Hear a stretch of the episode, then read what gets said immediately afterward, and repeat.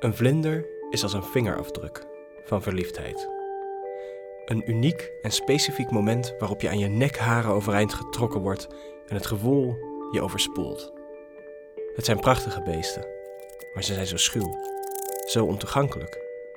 Zelfs het mens waarbinnen de vlinder huishoudt, lijkt soms blind voor diens bestaan. Spijtig. In een poging hier verandering in te brengen, nodig ik mensen en hun vlinders uit bij mij in de studio. Daar gaan we in gesprek en maak ik na afloop een audioportret van de vlinder. Voor mijn collectie en als memento voor mijn gasten. Mijn naam is Sid Zeno Duit en dit is Vlinders.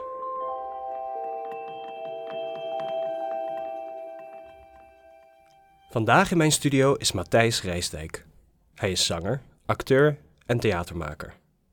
In zijn werk zal je hem echter niet als Matthijs tegenkomen, maar als de met goud overgoten Roi Soleil, de zonnekoning.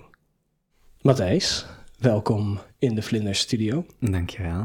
Wat leuk dat je hier bent. Je bent hier, want je hebt vlinders. Uh, ja, ik denk het wel, ja.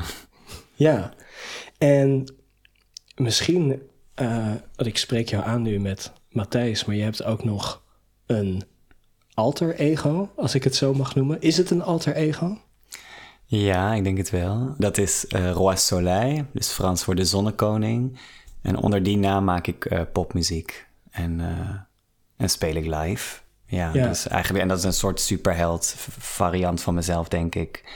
Die misschien wel meer durft dan ik zelf. En als het dan over vlinders gaat, iets wil delen over mijn vlinders, kan ik dat via Roi Soleil doen. Of via liedjes die ik schrijf, of via ja, dat werk eigenlijk. Ja. Als je op een gegeven moment liedjes gaat schrijven of gaat songwriten, dan ga je toch wel putten uit wat, wat ken ik of wat heb ik meegemaakt of welke thema's houden me bezig. Um, ik ben niet iemand die heel makkelijk kan schrijven over oh, de lucht is paars en, en, en, en de maan of zo en dat dat heel abstract blijft. Ik heb denk ik wel iets nodig uit mijn eigen leven om over te schrijven. En ook zeker aangezien er ook wel heel erg veel liefdesliedjes worden geschreven ja, zit dat automatisch wel in je gedachtegoed, denk ik, om daarover te schrijven. En ik had wel één specifiek verhaal. Dus dat is een song geworden, die heet La Suisse, Frans voor Zwitserland. dat is eigenlijk best een soort heel raar verhaal dat ik op verjaardagen gewoon goed kon vertellen van A tot Z. En op een gegeven moment besloot een nummer van te schrijven. En dat gaat over een jongen die ik uh, online ontmoette. Op, uh, dat was toen chatroulette. Dat was in de back in the millennial days. En site die nogal uh, ja, bekend was. En eigenlijk was die site nog eerder een soort grapje, waar je dan met groepen vrienden ook wel op zat om gewoon ja, een beetje te lachen of zo. En, maar ik had wel door van, oh, maar via de chatroulette heb ik wel een soort gateway naar de wereld volgens mij. En ik woonde uh, bij mijn ouders nog in een heel klein dorp in Brabant. En ik had geen gateway naar de wereld, dus dat... Dus ik was daardoor wel heel erg geprikkeld door die site. En toen weet ik gewoon dat er een keer iemand op beeld verscheen uit Zwitserland. Ehm, en dat wij aan de praat raakten en al vrij snel eigenlijk de Skype uitwisselden. Dat deed je dan eigenlijk als het interessant was. Dan, ja. Want dan wist je van... Want je had ook een soort gevaar van... oh, maar als mijn wifi één keer uitmikt of zo... dan ben ik jou kwijt. Ja. dus je wisselde dan Skype uit met elkaar. Um, en hij heet Mathieu M-A-T-I-U. En Mathieu is retro-romaans voor wat ook Matthijs is eigenlijk. Dus we hadden een soort van dezelfde naam. En op een gegeven moment gingen wij gewoon skypen, avond na avond met elkaar. Dus het was elke keer, nou tot morgen, hoe laat gaan we weer skypen morgen? Ik weet ook amper waar het over ging of waar we het dan over hadden, behalve dat wij gewoon wilden skypen met elkaar. Ik had gewoon wel een soort contact met een, met een jongen die ik wel interessant vond. En toen weet ik dat hij op een gegeven moment na een paar sessies gewoon vroeg... Ehm, ja, dit weekend uh, geef ik een feest in mijn huis, wil jij ook komen? Wat eigenlijk natuurlijk een beetje een grapje was van hem, maar ik ging wel even fantaseren met, maar kan dat niet echt? Kan ik niet gewoon echt naar jou komen dit weekend? Want het is toch Zwitserland, is ook niet helemaal onmogelijk of zo, bedacht ik me dan. Maar ik had ook wel meteen bedacht dat ik dat niet zou mogen van mijn ouders. Maar die gingen dat weekend op vakantie, weet ik. dus dat was ook zo toen weet ik nog dat ik gewoon ging rekenen van... oké, wanneer gaan zij dan weg? Wanneer gaan zij terug? Wanneer geef jij dat feest? Dus ik ging zo even bedenken hoe ik dat kon organiseren. Toen dacht ik, oh, ik kan het volgens mij wel stiekem doen. Um, Dus dat was ook de conclusie. En toen eh, kocht ik een busticket van Antwerpen naar Basel. En toen had ik dat ook nog, want ik kreeg ook nog wel echt een soort hele staart met mijn familie die daar, die daar dan wel achter kwam. Want ik had dus een dagboek en ik had daarin opgeschreven, heel dramatisch, dat ik eh, iemand had ontmoet online en daar naartoe ging. En daar ook heel veel van verwachtte, dat dit de liefde, wellicht de liefde van mijn leven zou zijn. En ik had dat toch in een boek geschreven en op mijn bureau gelegd. Ehm, en ik weet dat ik dan iets eerder weg moest, wel dan mijn ouders en mijn zus. Maar dan ging ik bij een vriendinnetje slapen, had ik gezegd. Maar ik ging natuurlijk een weekend naar Zwitserland. En mijn ouders zouden iets later de huis verlaten. En toen stond ik op een gegeven moment in Antwerpen op die bus te wachten. En toen um, belde mijn zus mij ineens. Toen nam ik op. Het eerste wat zij zei was: Waar ben jij? en toen zei ik zo: uh, Bij Alissa, want dat was de, de, de mhm. smoes. En. Uh, toen zei ze zo, nou, ik heb hier gelezen dat jij naar Zwitserland gaat. Echt een soort super vernietigend. Um, en toen was zij heel boos, echt zo'n grote zus boos. En zij zei meteen eigenlijk, jij moet nu naar huis komen, jij moet nu naar huis komen. Um, maar ik, was al, ik stond al in Antwerpen met, met een tas en mijn busticket. Dus ik dacht, nee, dat, dat, gaan we niet doen. Ik zei, nee, dat, dat doe ik niet. Toen zei zij, uh, of jij belt papa of ik doe het. toen zei ik, nou, dan bel ik zelf wel. en, toen... Uh, uh, dat heb ik ook gedaan. Dan echt zo mijn pa gebeld en zo... Hé, uh, hey, ja, ik ben in Antwerpen en ik sta bij de bus... En, en, ik heb iemand ontmoet online en ik ga er naartoe en daar en daar. En nou, zo helemaal... En ook niet echt een vraag. Ik zei gewoon, nou, ik sta hier en, nou, en ik heb een busticket. En ik wilde ook wel duidelijk maken van... En ik doe het gewoon. Ja. En toen zei hij ook wel... was eigenlijk wel een heel stukje goed parenting, vond ik, als ik daar aan terugdenk. Toen zei hij ook van... Maar kan ik jou nog tegenhouden? En toen zei ik nee. en zei hij, nou ja, oké, ga dan maar en laat maar weten. Als je bent aangekomen, haal ons maar op de hoogte. En uh, we hebben het er dan wel even over als je terug thuis bent.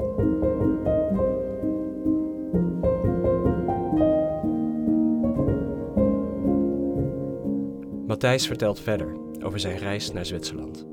Ik heb dit verhaal al eens in het klein mogen horen in een van zijn voorstellingen, maar ik geniet van alle details.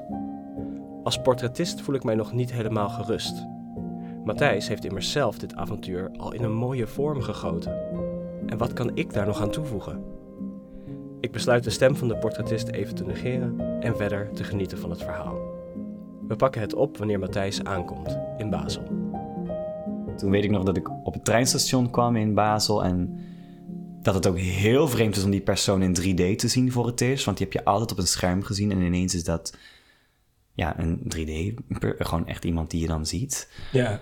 Um, ik vond hem wel knap.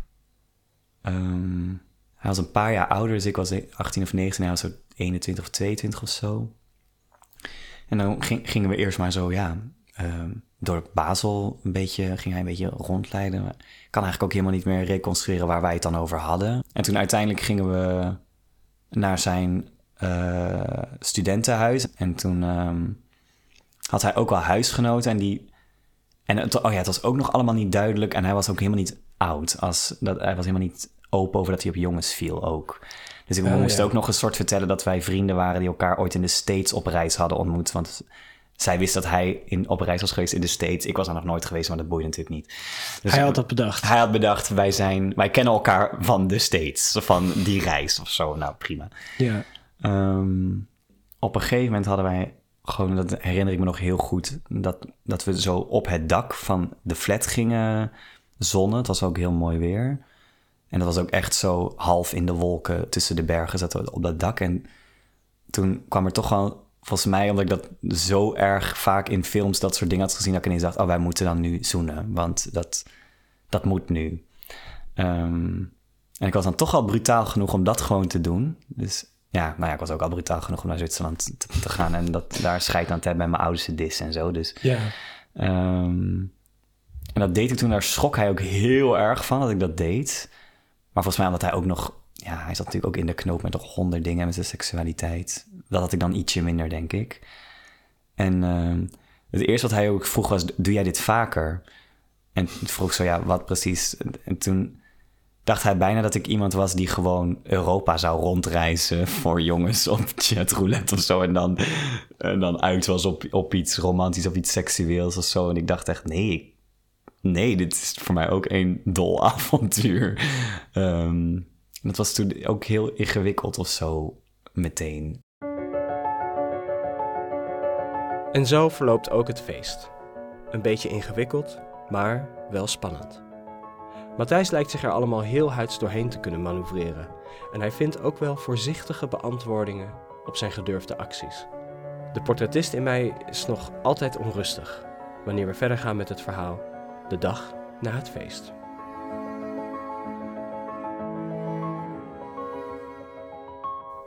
Ze hadden daar echt, een, ja, wat ik al zei, een soort waterval met een meertje en gras. En ze hadden zo een handdoek meegenomen om ergens te gaan zwemmen. En toen weet ik ook dat, ik voelde van, oh, ik ga straks dan weg. Maar ik had ook al wel verzonnen van, oh, ik, vraag straks, uh, oké, hoe, hoe gaan we dit verder uh, doen? Want het was daar ook allemaal zo idyllisch de, de hele tijd ook. Uh, dus het ik dacht, dit, dit gaat nog heel lang duren of zo. Of wij gaan nog heel veel meemaken of zoiets met elkaar. Ja. Dus wij sprongen in het water en, en we lagen op, zo, um, op die handdoeken daarna in, in onze zwembroek. En toen vroeg ik wel zeker, maar ook heel rustig van... Uh, oké, en, uh, en nu? Hoe gaan we dan uh, nu verder? En toen begon hij echt zo heel, een heel gecompliceerd te doen. En eigenlijk heel moeilijk te doen. En ook wel uit te leggen van nee, we, gaan niet, niet verder hiermee. Ik denk dat het voor hem ook echt te overweldigend was allemaal. Gewoon echt veel te veel prikkels gehad. Ik denk, misschien ook wel bij nooit uitgesproken, maar misschien was ik ook wel de eerste jongen met wie hij ooit had gezoend. Dus dat dat eigenlijk hmm. wel even genoeg info was voor nu.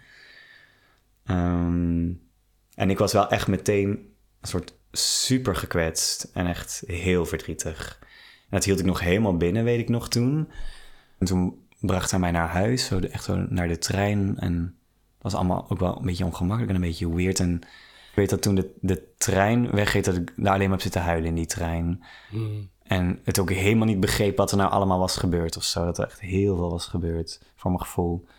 En toen had ik ook nog een soort, toen kreeg ik ook nog een soort hele bizarre staart dat ik toen mijn bus miste in Basel. En dat was zo'n tien uur s'avonds of zo. Dus toen werd ik ook ineens zo'n kind dat het zo ook niet kon of zo. Dus ik stond en ik miste die bus. Ik voelde ja, ik kan dit allemaal niet. Ik ben eigenlijk, ik heb dit verzonnen hier naartoe, maar dit is echt vreselijk. En ik ben nu ook nog gekwetst of zo en mijn telefoon is leeg. Ik heb mijn bus gemist en dan was het enige wat je kan zien is gewoon, ik wil nu mijn ouders bellen, want ik weet gewoon niet meer wat ik moet doen. en um, ook wel hem gebeld van, ja, ik heb die bus gemist en wat kan ik nu doen? En toen... Um, toen uiteindelijk had hij toch een vriendin wonen in Basel. Ik kon dan daar gaan slapen. Uh, en dan kon ik daar even uitzoeken hoe ik terug naar huis kon gaan of zo. Uh, zij heeft het hele verhaal van A tot Z toen gekregen. Want zij... Oh, oké. dus je hebt wel je hart alles, uit kunnen storten. Alles, alles, alles. Helemaal oh, met, ook helemaal compleet met de ouders en wat die ervan vonden dat ik dat stiekem had gedaan. Dat ik van chatroulette kende. Dat ik echt alles knalde ik bij die meid eruit. Het was zondag. Zij had de dag na de eerste dag Unie weer. En zij wilde eigenlijk naar bed, maar dat, dat liet ik gewoon niet gebeuren. Want zij moest echt gewoon luisteren naar alles wat ik had meegemaakt en hoe, hoe heftig dat wel niet voor mij was. Zij zag volgens mij ook gewoon een soort kind helemaal in, in paniek en liet mij gewoon maar even uitrazen of zo. En ik weet dat zij uiteindelijk zei, nou hier heb je de sleutel, doe ze maar door de bus als je weggaat. Dus zij was ook wel heel behulpzaam of zo. En toen dan, dan online wel een vliegticket gevonden naar, naar Schiphol en dan teruggevlogen en naar huis. Toen was ik alsnog ook zelfs nog eerder dan mijn ouders thuis. Dus ik had een soort, ook allemaal niet kunnen vertellen. Maar ja, ik had nou helemaal een paar keer paniek gebeld in dat weekend. Ehm, en toen waren mijn ouders ook nog echt soort bizar chill om die hele situatie. Dus ik weet dat ze een beetje zo vroeg van... oké, maar waarom vroeg je dat dan niet? Want misschien had het wel, had het wel gewoon prima gevonden. Daar had ik ook niet per se een goed antwoord op, denk ik. En um, toen kwam er zelfs nog een soort grap uit dat ik toen een week later dus op kamers ging in Brussel. En toen had mijn pa die dag een doos boodschappen meegenomen. Van, ah, dat kun je alvast meenemen voor volgende week. En dat vond mijn zus een soort bizar dat ik zoiets had gedaan en ook nog een soort goodiebag kreeg om mee naar Brussel te gaan. En toen, en toen kwam er een soort tijdje een grap in de familie van... pas op of je krijgt een doos boodschappen. Oh ja. Want dat zou dan je straf zijn of zo als je iets had gedaan. Nu was het ook een beetje zielig eigenlijk. Als ik daar, of nou ja, het is wel grappig en ik heb een soort lol gehad. Maar als ik eraan terug denk ik ook echt... wat, wat sneu voor dat kind dat hij dat helemaal gaat doen of zo. Voor, in de hoop dan maar... En dan eigenlijk zo, zo super gekwetst thuiskomen. Wat, wat zielig eigenlijk. Ja, toen jij hem ging vertellen van... oh, nou, ik kom eraan voor Ja. het feest van jou. Ja. Heeft hij je nog geprobeerd af te remmen? Of, of Nee. daar iets... Hij liet dat ook gewoon helemaal wel gebeuren. Ja, hij was ook al van ja, oké, is goed. Ja, Ja. Nee, dat was echt ook... Nee, hij zei gewoon ja, kom maar. Dus hij was ook wel dapper eigenlijk. ja. Want ik zei ook ineens ja. Hij had Ja. ook kunnen zeggen, oh, kan niet. Of zo, of grapje, weet ik veel. Nee, hij liet het wel gebeuren. Ja, is dan ook, ook grappig natuurlijk dat als je... Ja, zoals je het zelf beschreef, nou eigenlijk een beetje als twee kinderen dan zoiets begint met elkaar. Dat hij misschien ook van jou verwachtte van... Zo, dat is echt een initiatiefnemer. Die komt helemaal Ja, hier naartoe. Dus die gaat mij Ja. ook helemaal aan de hand nemen in deze ontdekking. Terwijl jij misschien wel zoiets had van... Ja, hallo, ik ben helemaal hier naartoe gekomen. Kun jij ook even, even de move maken, alsjeblieft? Wow, inderdaad, Ja. dat is echt gebeurd, ja. Ja, want ik hij was ook ouder dan ik, dus ik en ik was in zijn eh, habitat of zo, in zijn Ja. territorium, dus ik eh, verwachtte ook wel iets van hem, ja. Maar Ja. ik denk dat ik echt inderdaad de initiatiefnemer wel was van ons twee. Ja, hallo, Ja. ja, toch wel echt. Ja, in je muziek en in je shows ook... kijk je ook terug naar de persoon die je vroeger was. En Ja. geef je soms zelfs advies Mhm, aan je vroegere zelf. mhm. Wat zou jij nu tegen de Matthijs van toen zeggen van... moet je wel gaan of niet? Ja, ik zou wel zeggen dat hij moet gaan. Ja, ja, want het is ook, eh, je gaat ook al veel leren daardoor. Je leert gewoon over jezelf, denk ik, en over dit leven.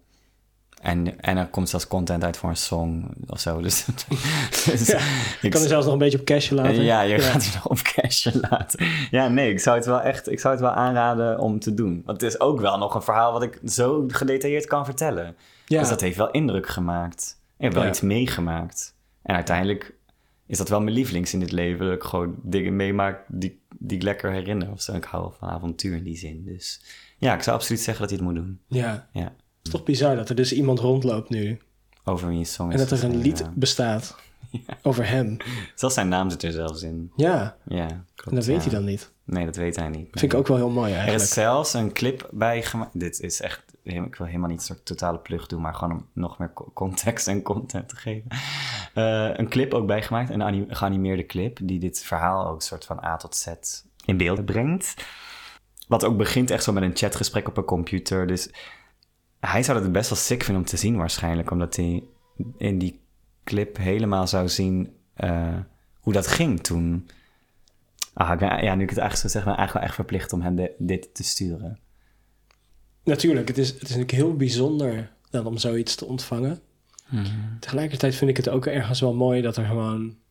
dat het bestaat is in de wereld dat iemand vereeuwigd wordt in een lied... Mhm. en dat zelf dan niet, niet weet. Dat klinkt, dat, klinkt, dat klinkt heel oud op een bepaalde manier. Ja, Als iets wat eigenlijk dan vandaag de dag bijna niet meer zou kunnen... maar dat het Ja. toch nog zo is. ja, het is ook wel vet, hè? Ja, Het is ook wel mooi. ja, ja. Nee, misschien moet het wel. Ik weet het nog niet. Maar eh, intuïtief, tot op heden heb ik het bij hem weggehouden. Ja. Om gewoon te denken, nou, dat, hoeft- dat maakt echt niet uit of zo. Het is wel bijzonder hoe sommige mensen ook niet, niet klaar zijn om een groot gebaar dan te ontvangen. Ah, ja. En daar dan, eh, ja, nog niet of misschien nooit klaar zijn om dat soort, om, om iets te kunnen met dat soort moves. Ja, dat is misschien. Ja, en ook als ik hem een beetje inschat, is hij, dat zit misschien ook bijna niet in zijn persoonlijkheid. Nee, Om, dit, om dingen te ontvangen, u- überhaupt, laat staan een groot Mm. gebaar. En ik denk dat ik in staat ben om hele grote gebaren te geven, nog steeds. ja. Dus dan moet hij me wel kunnen ontvangen. Ja. Is dat iets waar je naar zoekt? Hmm. Als er een nieuwe vlinder moet komen? Hmm. Ja, super moeilijke vraag, ehm, voor, vind ik. Ehm, nou, jij weet natuurlijk ook dat er geen vlinder, of nou ja, niet iets van een relatie is in mijn leven, dat ik single ben. En daar ehm, hele gemengde gevoelens over heb. Je merkt dat het op een gegeven moment best lastig wordt om erachter te komen wat je zelf wil. Wat, Ehm, en want dat vertroebelt zich helemaal met wat je omgeving doet. En ook nog eens met welk beeld jou is opgelegd van toch wel jonge leeftijd. Dat, dat het de bedoeling is dat jij de liefde vindt in je leven. Op een gegeven moment kom je er echt niet achter wat je zelf wil. Want als het dan niet gebeurt of als jij het niet aangaat om met iemand samen te zijn, dan ga je afvragen van, maar wil ik het nou niet? Of, gebeurt het niet? Of is het toeval? Ehm, of ben ik er niet klaar voor? Ja, whatever. Je gaat allerlei mantra's bijna erbij halen van wat is nou het antwoord op de vraag dat ik geen partner heb? Toch al lange tijd. Ehm, ik heb denk eigenlijk maar één, ik heb eigenlijk maar één echt vriendje gehad van anderhalf jaar en verder eigenlijk niet. Ehm, je ontmoet wel veel mensen. Ehm, en je bent wel open of zo, denk ik, voor, wie je tegenkomt de hele tijd. Maar ik merk ook dat ik wel echt heel weinig mensen interessant vind op dat gebied. Hm. En ik voel dat ik met mijn werk eh, als Roi Soleil, als ik speel, het doel wat ik daarmee heb is volgens mij gewoon zo alles geven wat erin zit op dat moment. En alle, zoveel mogelijk liefde geven als ik kan aan iedereen. Want ik vind dat iedereen op de wereld dat gewoon verdient. Iedereen heel veel liefde verdient. En ik denk dat ik grappig genoeg soort het lastiger vind hoe ik dat van op één op één doe. Maar ik begrijp veel beter hoe ik dat op een publiek moet doen. Hoe ik daar al mijn liefde aan moet geven. Ik heb als missie ooit uh, bedacht dat Roi Soleil er echt moet zijn. Die was er in eerste instantie namelijk voor mijzelf. Om denk ik te, te voelen...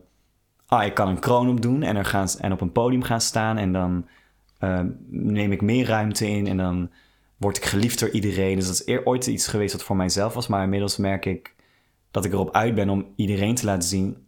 Jullie zijn dat ook. Je kan, je kan ook meer ruimte nemen. Je kan ook een kroon opzetten. En jullie zijn allemaal van goud. Niet alleen ik ben van goud. Jullie zijn het ook allemaal. En ik vind het een hele leuke missie om dat te geven. Of om dat te pro proberen voor elkaar te krijgen als ik aan het spelen ben. Dat iedereen ja, een soort opgeladen wordt of zo met, met liefde, denk ik. Ja, dus ik denk wel Ja. dat ik een heel groot hart heb. Ehm, maar nog helemaal niet weet, behalve dus aan het publiek en aan, mijn vriendengroep.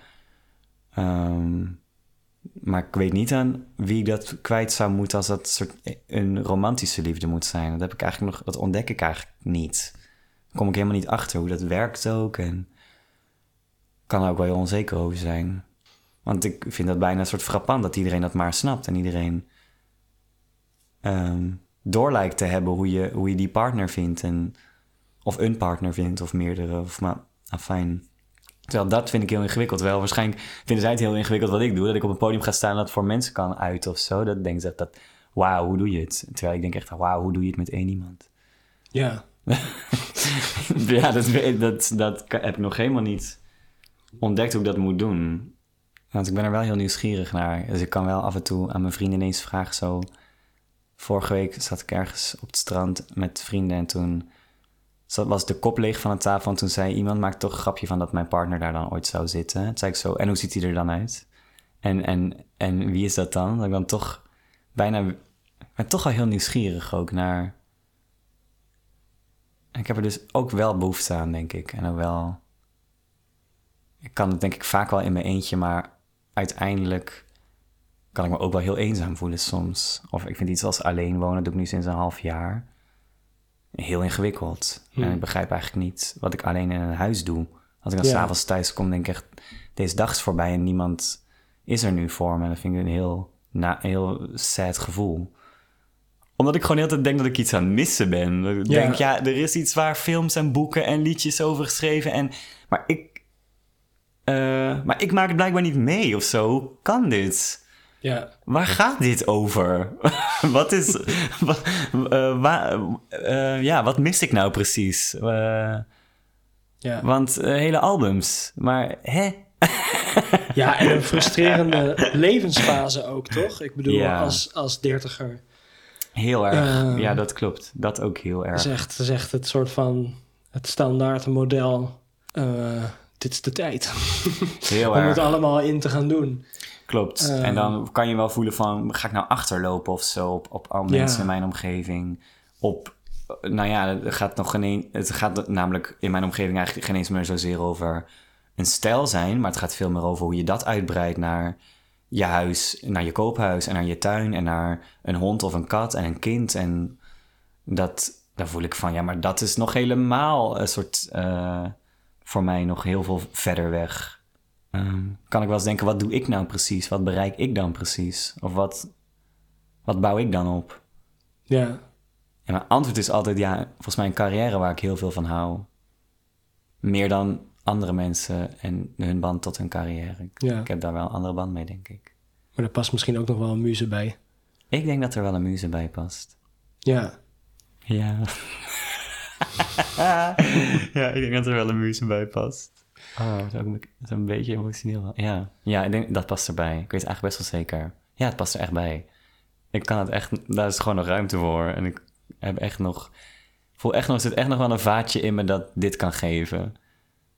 ja, Nog los van vrienden, van publiek, van mijn werk en zo. Ja, dat is echt wel. ja. Ja, want je moet natuurlijk ook iemand hebben die niet, die niet jaloers wordt op dat publiek. Nee, die persoon moet alleen maar trotser worden op dat moment, Ja. denk ik. Die moet gewoon dan denken, wow, maar dit is mijn partner of zo. Dit is mijn lief. Ja, En die kan dit. ja. Zeg maar, dat moet, het, dat moet volgens mij het effect dan hebben op die persoon. Ja. Denk je dat je, als die, als die muze er dan is, dat jij hem ook herkent? Geen idee. Pff, nee, ik weet eigenlijk niet. Nee, ik, ik zat te denken of ik hier een mooi antwoord op kan geven. Want ik vond het een hele mooie vraag hoe je het zo stelt. Maar ben wel bizar gevoelig. Ehm, en ook, ook wel redelijk spiritueel. Dus ik kan me best voorstellen dat als ik iemand zou zien... dat ik daar ineens een heel sterk gevoel bij kan hebben van... Wow, maar wacht eventjes. Dit is, dit is iemand, dit... Wow, dat zou me best wel kunnen overkomen. Dat ik zo'n super groot gevoel van binnen krijg van... Dat je dan echt iemand ziet en denkt, "Ah, dit is hem misschien. Ja, dat zou ik best kunnen hebben eigenlijk. Ja. ja, ik kan me best voorstellen dat dit in de toekomst gebeurt. Dat dat zo zou gaan. Ja, misschien gewoon de heel gelaagde versie van... ik ga een ticket boeken naar Zwitserland. Ja, ja, inderdaad. Dus wel inderdaad die prikkels, die vibe, die spanning. Maar dan veel meer op een soort ja, energieniveau bijna. Dus ja, ik zie nu iemand die dit kan, ontvang die kan ontvangen wat ik kan geven.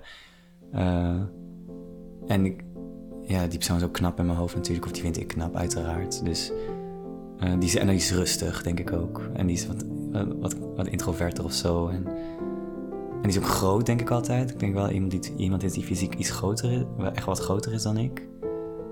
Ehm, ik voel altijd als ik fysiek iets zou meemaken, ik altijd verlies van iedereen. Dus ik vind het denk wel prettig als ik met iemand ben die dat niet zo zou uitstralen.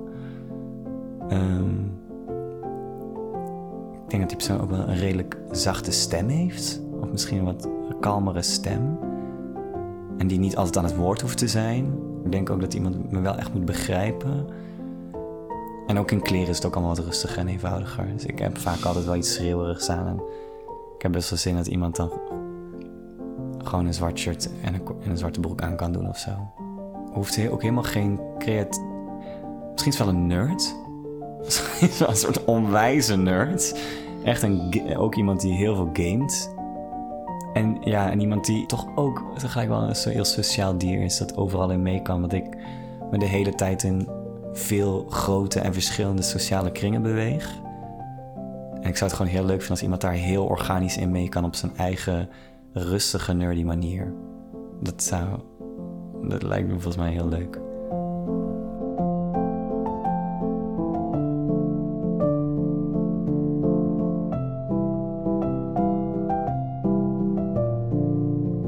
Deze opsomming ontroert mij, maar brengt ook opluchting. Dit mens bestaat, denk ik bij mezelf. En het zal onvermijdelijk zijn dat hij en Matthijs elkaar tegen het lijf lopen. Hoe dat plaats zal vinden, hoef ik niet vorm te geven. Dat zal ongetwijfeld een mooi verhaal worden waar mijn invulling niet bij nodig is. Maar hoe werkt de dynamiek tussen Zonnekoning en zijn muze? Met die vraag in mijn hoofd begin ik aan het portret.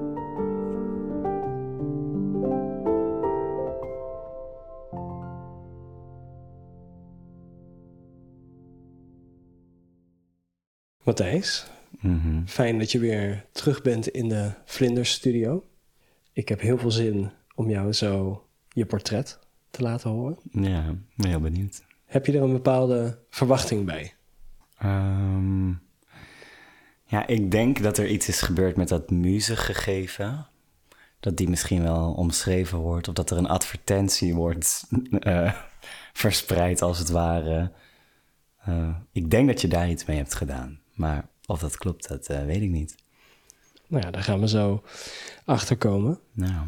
Heb je intussen nog nagedacht over de dingen die je hebt verteld in de aflevering? Zijn er nog nieuwe inzichten tot je gekomen in de tussentijd? Nou, ik denk dat het grootste inzicht, en dat vond ik van jou een hele mooie vraag, is dat toen je zei, vroeg jij of er plek is voor iemand, dat ik toen wel eigenlijk op de manier waarop ons gesprek was gelopen heel volmondig ja kon zeggen daarop. Ja. En dat was denk ik een nieuw inzicht. Want tot die tijd dacht ik misschien, nee, ik heb er geen tijd voor. Of ik, of ik ben te druk. Of, wat misschien ook een deeltje zelfbescherming was of zo. Maar in hoe hij het gesprek voerde, merkte ik dat ik daar heel makkelijk ja op zei ineens. Dus dat was denk ik het grootste inzicht. En toen ging ik ook naar huis met van, oh, dat heb ik, dat heb ik nu toegegeven. Dus dat is nu zo. Ik sta eigenlijk toch wel weer helemaal open volgens mij voor iemand. Dat is denk ik het inzicht.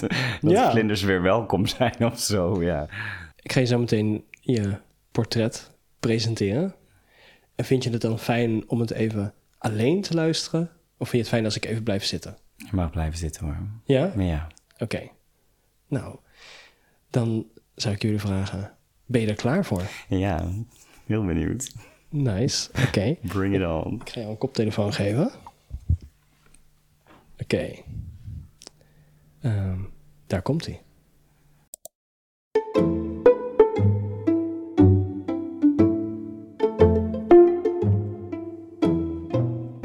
De lange klim naar het slaapvertrek was altijd een moment van bezinning voor de zonnekoning. Zijn dagen waren immer vol, want ondanks dat hij het volk waar hij over regeerde zelf had samengesteld, eiste het veel van hem. Hij deelde de kracht van de kroon met iedereen, maar droeg het gewicht in zijn uppie. Nee, corrigeerde hij zichzelf niet alleen. Morgen, of eigenlijk vandaag, min of meer drie uur geleden, was hij sinds 2,5 jaar in het gezelschap van zijn muze. Sinds hun ontmoeting waren ze praktisch onafscheidelijk geweest. Behalve dat de muze er geen gewoonte van wilde maken om het volk te bedienen na middernacht. Dan ging hij alvast terug naar de toren. De zonnekoning zag hem dan vertrekken uit het publiek. Meestal zo op twee derde van zijn concert. Soms iets later, maar altijd voor het grote applaus en de daaropvolgende toegift. Plots voelde hij dan het gewicht van zijn kroon de harde rand die opeens niet meer op zijn haren drukte, maar op zijn schedel. Het edelmetaal dat geen reactie aan zou moeten gaan met wat dan ook, dat zijn huid irriteerde.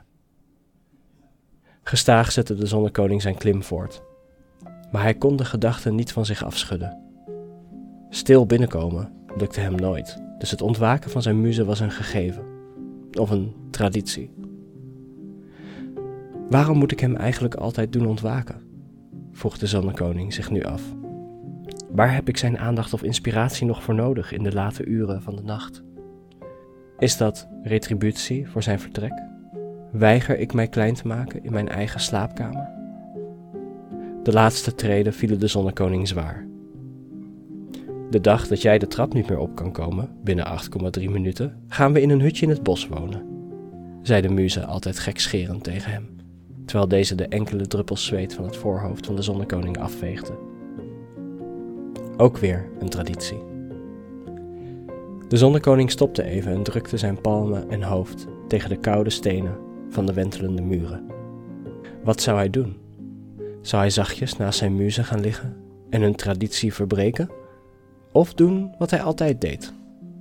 Maar dan zou de vraag ongetwijfeld in dramatische toon ontsnappen van zijn lippen: Waarom verlaat je me iedere avond? De zonnekoning schokte de laatste treden op en deed, nog altijd onzeker over zijn strategie, de deur open naar het slaapvertrek. In het maanlicht lag zijn muze te slapen. Met een bepaalde bescheidenheid, merkte de zonnekoning op.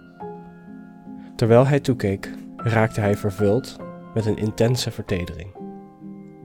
Muisstil legde hij zijn kroon op het purperen kussen hij veegde rustig en doelmatig de gouden glitters van zijn gezicht, ontdeed zich van zijn mantel zijn onderkleding en als laatste zijn gouden ringen. Hij kroop in bed.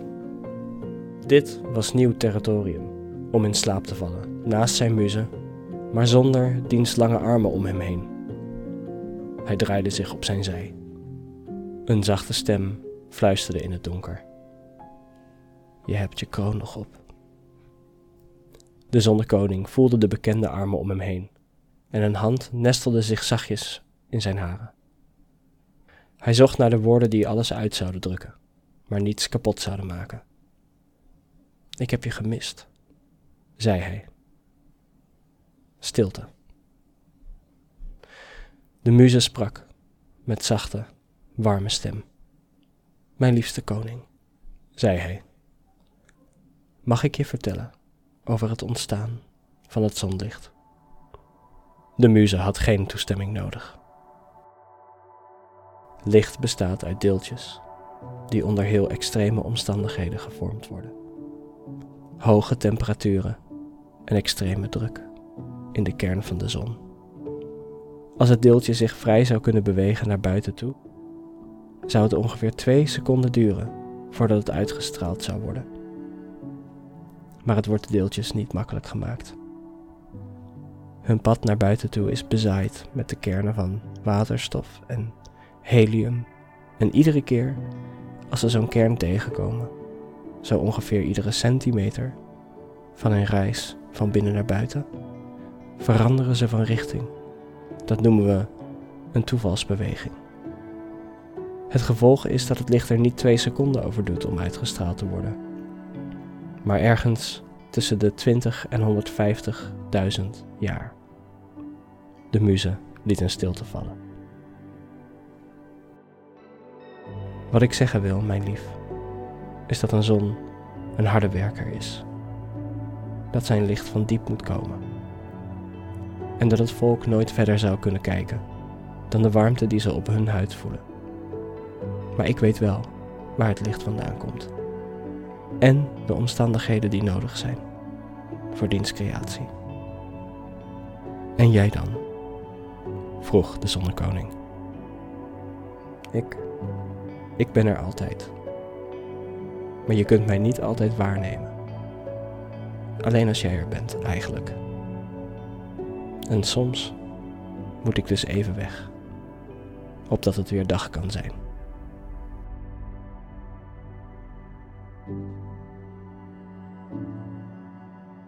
Ga nu maar slapen, mijn zon, zei de maan. Want morgen heb je weer een lange dag voor de boeg.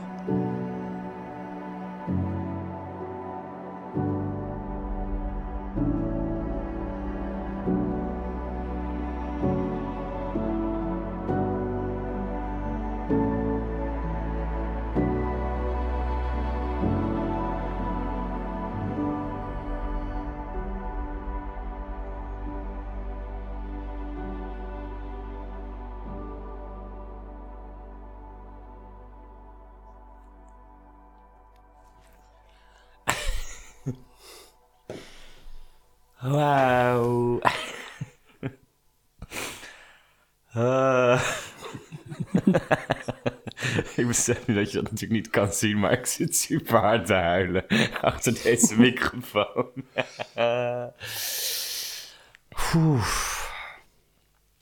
Yo, ja, wat wil je dat ik zeg? Thanks, trouwens. Heel Thanks, graag gedaan. Heel Wat graag gedaan. mooi gemaakt. Zo mooi en gevoelig gemaakt. Ik weet dat ik binnenkwam en niet had gedacht dat me dit nu zou raken of zo. Want het is Mm. middag en het is een soort, niet een moment waarop ik dat had gedacht. Maar ik werd denk ik zo emotioneel van het feit dat, eh, dat er iemand zou zijn die me soort dieper zou begrijpen of zo. En dat heb jij ook Mm. wel laten zien dat jij dat ook doet. Dus dat vind ik ook wel heel, heel te gek. Want er zat wel iets in of zo van eh, dat je misschien niet begrepen wordt door iedereen of zo. Of dat niet iedereen misschien inziet Ja, eh, hoe hard de zon werkt of hoe zwaar de kroon is. Ik dat ook mooie, eh, mooie beeldtaal. En, dat, en ik moest ook wel lachen omdat dat dan de, de maan is of zo. Dus dat die Ja. ook misschien niet tegelijk altijd kunnen zijn. Ehm, pff, ja, man. Ik, ik weet denk ik emotioneel enerzijds van het, poë- het poëtische karakter van wat, je, van wat jij weet eh, te, te, op, te, op te tuigen of zo. En ook denk ik gewoon het feit dat er zo iemand zou zijn in mijn leven. Ik denk dat ik dat ook wel toch heel ontroerend vond weer ineens.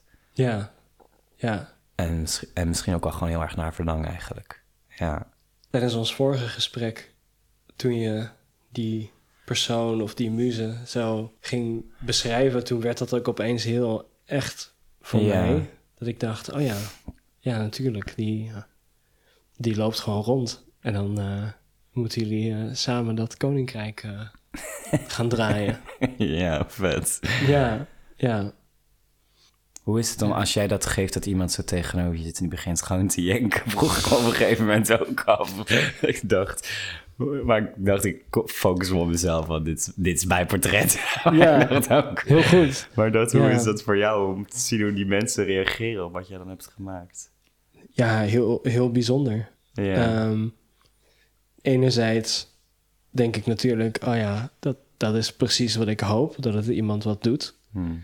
Eh, aan de andere kant denk je ook van, ja, je bent er niet per se op uit om iemand ehm, op een woensdagmiddag emotioneel te maken.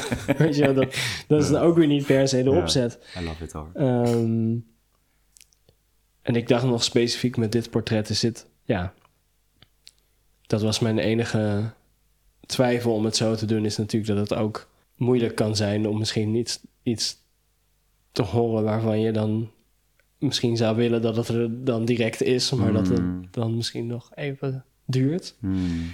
Maar tegelijkertijd toen dacht ik, ja, nou ja, dagdromen doet niemand pijn volgens mij. Nee, echt niet, nee. Nee. En ja, ja, jij mag mij op elke woensdagmiddag emotioneel maken. Dat is helemaal oké.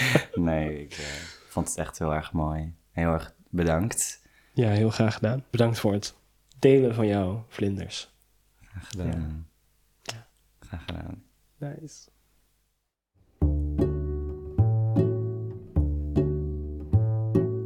Vlinders is een podcast gehost door mij, Sid Zeno Duit. Productie door Lulu Linders, cover art door Tamara Bella. Vlinders is onderdeel van Correlfilm, een Rotterdams productiehuis. Op Instagram zijn we te vinden via vlinders.podcast. Wil jij ons steunen? Kijk dan op vriendvandeshow.nl forward slash vlinderspodcast en krijg toegang tot exclusieve content. Deze aflevering horen we het portret van de Zwitserse vlinder die Roi Soleil heeft gemaakt. Zijn song La Suisse. Heb jij een vlinder? Mail ons via vlinders.correlfilm.nl Dankjewel voor je aandacht.